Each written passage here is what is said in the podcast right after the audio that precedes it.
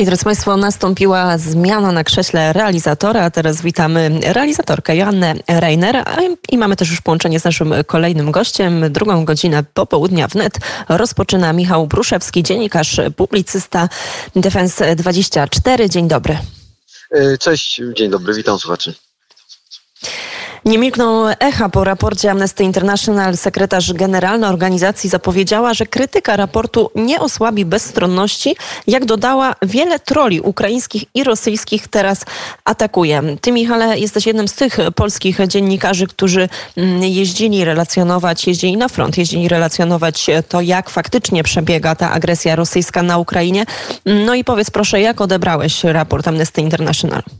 No, bardzo źle odebrałem, dlatego że y, trzeba pamiętać, że y, może jakby zacznijmy od, żeby słuchaczom też wytłumaczyć, że organizacja Amnesty, Amnesty International wydała raport, w którym e, pisała o rzekomych także e, zbrodniach, naruszeniach prawa wojennego ze strony ukraińskiej, ale ten, tego raportu nie pisała pełna, pełen skład Amnesty International, dlatego że biuro ukraińskie tej organizacji zostało niedopuszczone do raportu i biuro ukraińskie próbowało zablokować publikację tego raportu, uważając, że jest on tendencyjny, nieprawdziwy, e, że podaje nieprawdziwe dane, więc można powiedzieć, że e, nawet e, powstał konflikt w łonie tej organizacji, dlatego że ukraińska strona, część Amnesty International z tymi tezami raportu się nie zgadza. I oczywiście od razu po publikacji rosyjska propaganda zaczęła publikować fragmenty, pisać właśnie powołując się na, e, no na te rzekome, rzekome informacje, e, rzekome relacje podawane właśnie przez raport. Więc no, doszło do skandalu i to skandalu na wysokim szczeblu dyplomatycznym, dlatego że raport potępił sam prezydent Zełęński. No i generalnie, zwłaszcza w tym obozie jednak wspierającym walczącą Ukrainę, zwłaszcza wśród ludzi, którzy jednak e, w sposób pomocy humanitarnej są zaangażowani w pomoc humanitarną właśnie dla ludzi, jeżdżą w te miejsca, no są oburzeni tym raportem, dlatego że sytuacja wygląda zgoła odmiennie, to właśnie Rosjanie okupują terytoria, to Rosjanie są stroną agresywną, to Rosjanie dokonują zbrodni, ostrzeliwują, oddziały ukraińskie bronią się, a, a ludzie cierpią, więc no e, w tym momencie publikowanie czegoś takiego to jest naprawdę ogromna hańba. No właśnie, mamy reakcję prezydenta Ukrainy Wołodymyra Zełańskiego, mamy część reakcji mediów zachodnich, którzy, które faktycznie krytykują ten raport. No ale jak sam wspomniałeś, mamy też już propagandę rosyjską i niestety też część innych mediów, które e, będą wykorzystywały ten raport no, na użytek swojej propagandy. No niestety właśnie tak jest i e, jakby e, działania takich organizacji znanych, e, think tanków, organizacji międzynarodowych jednak o dużej tradycji, dużej renomie, one też muszą wiedzieć, że mogą zostać wykorzystane przez stronę rosyjską e, w, w międzynarodowej grze. Już atak troli rosyjskich w internecie działa właśnie, żeby kolportować tego rodzaju informacje, powołując, powołując się na Amnesty International. Można powiedzieć, że tak naprawdę tylko brakowało Rosjanom właśnie tego, żeby coś takiego się pojawiło. To jest podobne zachowanie, jak e, mamy różne rachityczne próby na przykład e, spotkań. Na przykład szef dyplomacji węgierskiej był w Moskwie. I to jest klasyczny przykład e, głupoty e, geopolitycznej, dlatego że Rosja właśnie tylko i wyłącznie czeka na to, żeby pokazać się jako państwo, które nie jest izolowane na arenie międzynarodowej. Czyli może dokonywać zbrodni, a mimo to politycy jeżdżą e, do Moskwy. I tak samo tutaj. Organizacje międzynarodowe potępiają Rosję. Przecież strona ukraińska gromadzi dane na temat zbrodni rosyjskich i te dane są zatrważające. Chociażby ponad 120 tysięcy domów mieszkalnych zniszczyli Rosjanie. No to jest skala wręcz y, niewyobrażalna. Hekatomba. Chociażby takie miasta jak Mariupol, Sewierodonieck, y, Charków, y, Mikołajów jest ostrzeliwany. No nawet stolica Kijów jest ostrzeliwana. Pod Lwowem ostatnio były bombardowania. Więc w tym momencie publikowanie czegoś takiego, zwłaszcza w ogóle nieuznawanie głosu ekspertów ukraińskich tej organizacji, czyli można powiedzieć o konflikcie wewnątrz samej organizacji, no to to yy, naprawdę to, to jest bardzo, bardzo nierozsądne działanie w tym momencie. Ty, Michale, cały czas też śledzisz najnowsze doniesienia, to jak wygląda sytuacja na froncie. Masz też kontakt z wieloma osobami, które po prostu biorą mm, zapewne udział w, w, w już w samych walkach. Proszę, mm, powiedz, jakie są te wieści, jak wygląda sytuacja na froncie? No i w pomocy. Tutaj mogę też powiedzieć, że ponieważ ja e, jako reporter relacjonowałem e, dostarczanie pomocy humanitarnej z Polski, takiej Fundacji Wolność i Pomoc, wiem, że ona teraz kolejne, robi kolejną zbiórkę na kolejną pomoc właśnie dla osób potrzebujących.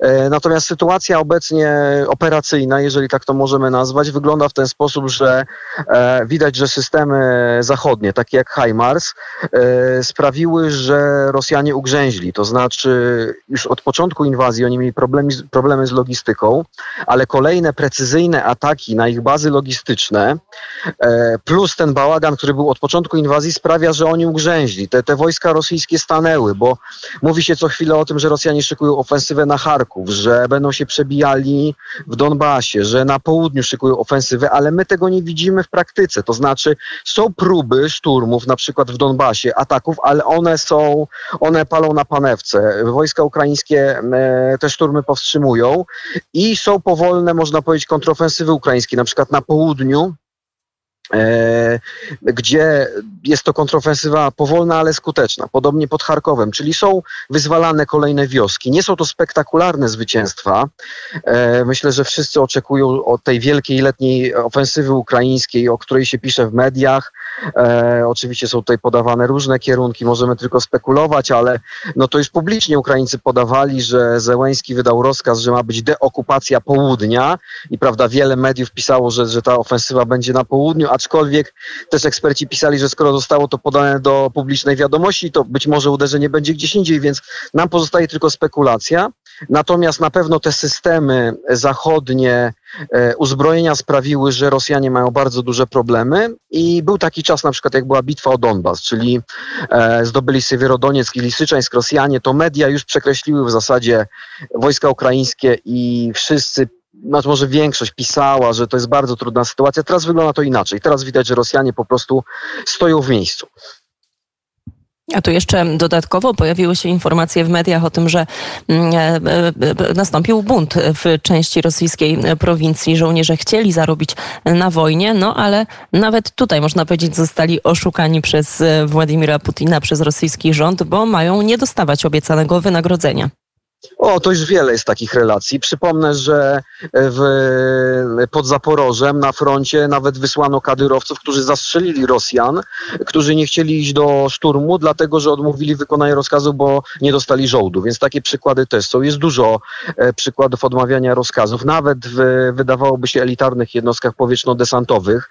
Po prostu e, no, żołnierze widzą, że są mięsem armatnim. Oczywiście w żaden sposób to tutaj oczywiście apeluję do słuchaczy, żeby nie traktowali tego, że w, żaden, że w jakikolwiek sposób jakoś pochylamy się nad losem tych żołnierzy rosyjskich, bo oni mają ręce splamione krwią, tak? No oni głównie rabują, gwałcą i tak dalej. Natomiast no jeżeli mamy mówić o tych meldunkach, które są podawane, no to jest bardzo dużo właśnie tego rodzaju relacji, na przykład e, podawanych przez stronę ukraińską z terytoriów okupowanych, że, gdzie przecież żyją Ukraińcy i widzą żołnierzy, którzy po prostu zrywają jakieś odznaczenia i po prostu uciekają z frontu, próbują się przedzierać, różnymi kanałami gdzieś zadekować. E, w ogóle są problemy w samej Rosji, żeby ten rekrut e, szedł na front, bo Rosjanie już rekrutują w więzieniach, więc e, jeżeli e, te wojska pierwszego rzutu dokonywały takich zbrodni, to możemy sobie wyobrazić, co się stanie, jak Rosjanie wyślą te kolejne rzuty, a one są rekrutowane na przykład w zakładach karnych czy koloniach karnych rosyjskich, bo takie informacje są przecież.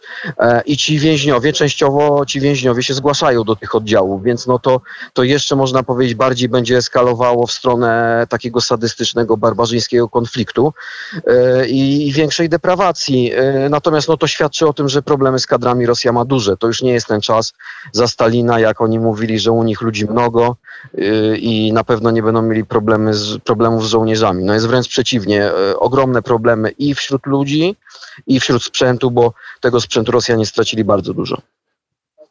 No właśnie, to w tym kontekście pojawiła się też ostatnia informacja o tym, że Rosja powołuje byłych żołnierzy i e, rekrutuje też w Mołdawii, e, w Naddniestrzu. No i to, o czym wspomniałeś e, przed momentem, to często też nie są przeszkoleni żołnierze, są to, mm, są to młodzi chłopcy, którzy gdzieś są rzucani na ten front jako mięso armatnie, ale też o zerowych moralach. Więc to jest niestety ten czynnik, który pewnie w zderzeniu z rzeczywistością, z jaką spotykają się mm, ci ludzie kompletnie nieprzygotowani do walki, nie przestrzegający żadnych praw e, wojennych, e, no to, to taki mechanizm psychologiczny wtedy jest dużo większa mm, eskalacja, e, agresja i dochodzi do mm, niestety do tych zbrodni wojennych, które oglądamy niemalże od pierwszego dnia rosyjskiej agresji na Ukrainę. Bardzo serdecznie dziękuję za rozmowę. Michał Bruszewski, dziennikarz, publicysta, mm, ekspert do spraw bezpieczeństwa Defense 24 był gościem Radia Wnet. Jeszcze raz dziękuję za rozmowę. Dziękuję za uwagę.